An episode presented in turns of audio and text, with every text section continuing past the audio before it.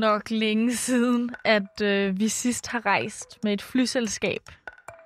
Men kan du huske følelsen af at sidde i en flyver? Sikkerhedsbæltet, der strammer lige på bukseknappen, og den her kolde luft fra ventilationssystemet, og den tunge fornemmelse i fødderne, der bliver mest lidt sammen af dine sko, som pludselig er blevet en anelse for små. Mens du sidder der med din dåse cola og sikkert læser en eller anden artikel om irske forhyrter i et flymagasin, eller hvad ved jeg, så begynder dine flyvefødder nemlig at hæve op, fordi væsken i din krop samler sig der under turen. Men altså, pyt. Hævelsen går væk igen. Det gør den altså bare ikke for dem, der er smittet med elefantsyge. Deres fødder har det hele tiden, som dine fødder har det i en flyver. De bliver fyldt med væske. Men i stedet for at få klemte fødder i skoene, så kan deres ankler altså vokse så meget, at de svulmer ud over tæerne. Og sådan vil deres ben altså se ud resten af deres liv.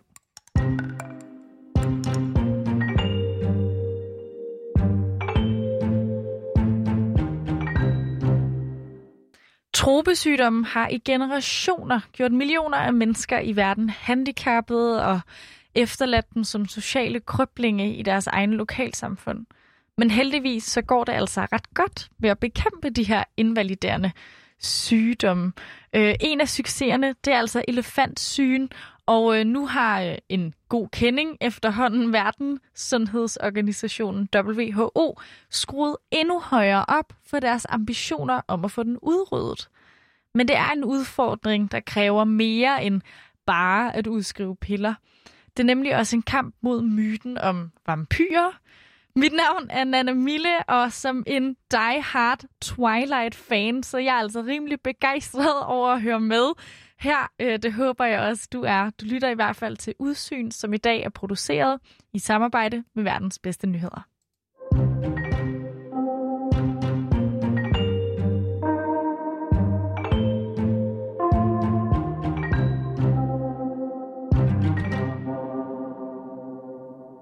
Under visse omstændigheder kan de her hævelser ændre sig, så man får sådan et ben med nogle hudfolder i, og efterhånden så er det svært at se, det, det er et, øh, et almindeligt ben. Det her, det er Dan Majovits. Han beskriver her, hvordan elefantsyge kan se ud på en smittet. Han er forsker i epidemiologi på Københavns Universitet, og gennem sit arbejdsliv, hvor han blandt andet har boet i Tanzania, der har han altså oplevet mange tilfælde af sygdom. Øh, noget, der er meget mere almindeligt end, end det her, end de her elefantsyge ben, det, det er hævelser i, øh, i pungen hos mænd, og de kan blive meget store. De kan blive så store, så, så, øh, så det faktisk kan være svært at, at bevæge sig. Er det altså ikke et øh, just nemt liv, man typisk får som smittet? Det kan være svært for dem at holde et arbejde, fordi de jo ikke kan bevæge sig nok, eller overhovedet at få en kæreste, ligesom på grund af deres udseende, siger Dan. Heldigvis så har Liv Rahauge Frederiksen, som er journalist hos Verdens Bedste Nyheder, hun har godt om elefantsyn. Sygdommen, den er faktisk et meget mindre problem i verden i dag, end den var bare i starten af nullerne. Bekæmpelsen af elefantsyge, det går fremad. I år 2000 var der omkring 199 millioner mennesker, som var inficeret med elefantsyge på verdensplan, og i år 2018 var det tal faldet til 51 millioner. Det er altså næsten 150 millioner mennesker, som ikke er smittet med sygdommen længere. Det er jo mega fedt. Og nu så har WHO lagt en plan for at få både elefantsyn og andre negligerede tropesygdomme endnu længere ned i smittetal. Her i januar 2021 lancerede WHO en ny 10-årsplan, hvor nogle af målene var at reducere antallet af personer med behov for behandling med 90 procent, og øh, at mindst 100 lande skal have elimineret minimum en af sygdommene inden 2030. Så øhm, der er i hvert fald blevet sat nogle højere mål for udviklingen. Ja, men der skal altså mere til end bare at udvikle ny medicin, før både elefantsyn og de andre tropelidelser kan forsvinde helt fra verdens overflade. Det siger Liv i hvert fald, men det, det kommer hun altså mere ind på om lidt. Lad os lige allerførst, jeg er lidt nysgerrig og stadig lidt desorienteret. Altså kan vi høre lidt mere om, hvad går den her elefantsyg overhovedet ud på? Øh, det er øh, nogle parasitorme, som er sådan 8-10 cm lange, der lever i lymfesystemet. Og i lymfesystemet, der ødelægger de lymfekarne, sådan at øh, man får sådan nogle væskefyldte hævelser i benene eller i pungen hos, hos mænd. Ja, øh, undskyld, hvis jeg er lidt sart, men øh, ad, hvor, øh, ad, ad, ad. Så det er altså orme, der bor inde i ens krop, og her lever de bare godt, og de øh, hygger sig i flere år, hvis de altså ikke bliver forstyrret. Øhm, hvordan smitter man så andre med de her orme? De her laver her, de, de øh, migrerer fra lymfesystemet ud i blodkarren, og så bliver de pumpet rundt i vores krop. Og det er, og det er myg, som øh, bidrager til at overføre øh, infektion fra et menneske til et andet. Så hvis en, en myg tager et blodmåltid fra en person, der har cirkulerende øh, laver, de hedder mikrofilarier i blodet, så er der en vis chance for, at den her myg, den optager nogle af dem her. Så hvis myggen tager et blodmåltid fra en anden person, så er der en vis chance for, at den her person så bliver inficeret med, øh, med parasitten. Ja, og øh, Dan her, som ved så meget om det, han har altså været med til at lave den forskning, der banede vejen for at mindske problemet med elefantsyn. Og det gjorde han altså i 90'erne, dengang han selv boede i Tanzania.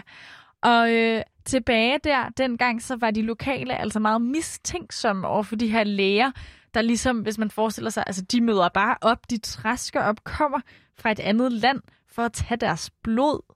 Problemet er, at hvis man tager en blodprøve fra en øh, person i dagtimerne, så kan man ikke finde nogen parasitlarver i blodet. Fordi parasitlarverne, de har det med at i dagtimerne med at ligge i lungerne, så man kan faktisk ikke finde nogen. Det er først, når solen er gået ned, at tætheden af parasitlarver, den stiger. Og, øh, og de fleste steder i verden, der har man sådan en, en top i, i tætheden af parasitlarver i blodet, som ligger omkring sådan 12-1 om natten. Og det betyder altså, at man bliver nødt til at tage blodprøver for folk om natten, øh, om, i stedet for om dagen. Ja, så øh, det der med at få taget blodprøver ved midnat, det gør altså de lokale bekymrede for, om lægerne måske i virkeligheden havde en mørk bagtanke. Og en af grundene til, at, øh, at mange lokale, dengang i hvert fald, øh, ikke ville være med til det her, det var fordi, der var nogle historier om vampyrer, som øh, tog rundt om natten, måske i hvide biler med røde kors, det er en af versionerne, og som øh, tvinger folk til at donere øh, blod eller, eller deres urin eller deres afføring, som så de her vampyrer her bruger til egen fordel, måske til at fremme egen sundhed. Ja, altså, og så kan jeg ligesom godt se, hvordan det kan være svært at få overbevist folket om alle ens gode intentioner. Øh, hvad gjorde I ved det? Hvordan får man aflevet den her vampyrmyte? Jeg øh, brugte faktisk et halvt år på at opbygge gode kontakter med øh, landsbybeboerne, og især med, med de traditionelle behandlere, som nogen måske vil kalde heksedoktorer, witch doctors, øh, for jeg tænkte, at de er nok indgangen til at forstå noget om det her, og måske også er det muligt at, øh, at lade folk forstå, at vi ikke er vampyrer, når vi tager ud i landsbyerne for at undersøge dem. Så jeg har brugte meget lang tid på at drikke te med, med folk og tale med dem. Ja, og øh, hvordan gik det så?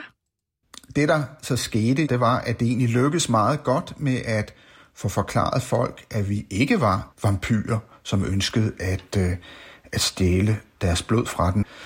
Og øh, det kom vi omkring blandt andet ved, at vi inviterede øh, både de her øh, traditionelle behandlere ind i vores laboratorium, og vi inviterede også repræsentanter fra kvindegrupper og fra ældreråd, så de kunne se de her parasitter i et mikroskop, og vi kunne fortælle lidt om det. Så det gik rigtig, rigtig godt. Vi havde fantastisk opbakning, og de her forskningsresultater fik indflydelse på øh, de store øh, massebehandlingskampagner, øh, som nu er øh, implementeret i mere end 50 lande rundt omkring i verden. Ja, for siden dengang den var i Tanzania, der er man altså begyndt at tage meget skrappere midler i brug mod de her lymfeorme. Det har man netop gjort med massebehandlinger. Og den opgave tog Verdens, Verdenssundhedsorganisationen WHO på sig. WHO lancerede sit globale program for eliminering af elefantsyge i år 2000, og øhm, fra år 2000 til 2018 er der blevet uddelt over 7,7 milliarder tabletbehandlinger for at stoppe spredningen af infektionen. Det er mere end øh, 910 øh, millioner mennesker, som har fået den her behandling. Jeg er jo ikke den bedste til matematik, det skal jeg være den første til at indrømme, men altså 910 millioner mennesker, det er jo øh, ret meget højere end det antal af mennesker, der faktisk er blevet smittet. Men taktikken er måske lidt sådan, hvis man tænker i stil med vores øh, ja, sådan coronavaccinationerne herhjemme. Giv en behandling til så mange, der vil have den, for så kommer smitten ligesom ned. Man har årlige behandlinger, hvor hele befolkningsgrupper får tilbudt medicinen. Det er ligegyldigt, om de er smittet eller ej, og uden at de har været undersøgt for smitte først. Og pillerne, de gør godt nok ikke folk raske, nej, men i det mindste så forhindrer det dem i at sprede sygdommen til andre. Og i stedet for at give de lokale følelsen af, at et hold udenlandske forskere kommer brasende og pludselig tvinger dem til at spise medicin, så er det ligesom de lokale, der står for at dele de her piller ud. Det er frivillige, man får til at uddele det. Så, så man får lokalbefolkningen til, at de også kan se værdien i, at det her medicin bliver delt ud, og det bliver givet, så det ikke er noget, der bliver presset ned over hovedet på dem af forskellige øh, organisationer, der kommer fra andre lande og siger, at nu skal I tage det her medicin. Men i sidste ende, der vælger folk altså selvfølgelig selv, om de vil have en pille mod elefantsyn. Så der er også en udfordring i sig selv i at øh, nedbringe den her smitte. De her massebehandlinger afhænger af, at øh, over 65 procent af befolkningen bliver tilbudt og indtager den her medicin, for at man kan reducere smittespredningen og så på sigt udrydde sygdommen. Og oven i det, så skal behandlingen køre i lang tid, før man overhovedet kan være sikker på, at den virker faktisk i flere år. Medicinen den dræber laverne i blodet, så den her smittespredning kan stoppe. Men øh, de har kun begrænset effekt på de voksne orme i lymfesystemet, og de kan blive rigtig gamle. De kan leve i op til 10-12 år hos en person.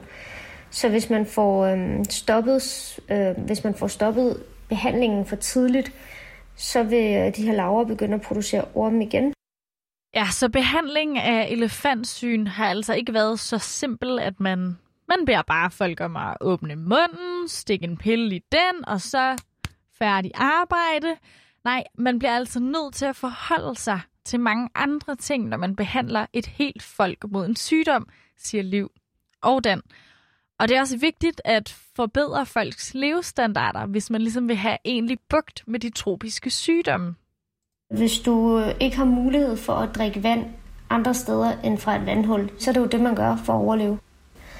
Hvis du har bedre levestandarder, så øh, vil du også have mulighed til rent drikkevand. Du vil have mulighed for ordentlig sanitet, og man vil måske have mulighed for at bo i et hus, hvor man ikke på samme måde bliver udsat for de her myggestik, som kan sprede nogle af sygdommene, eller man har mulighed for at købe et, øh, et myggenet, som kan hjælpe på, at man ikke får lige så mange myggestik. Ja, og netop i forhold til forbedringen af folks levestandarder som en del af løsningen, ja, der er Dan faktisk ret optimistisk. Og, og heldigvis i mange samfund globalt nu, er, er der jo øh, er der økonomisk og social og strukturel vækst, øh, der sker.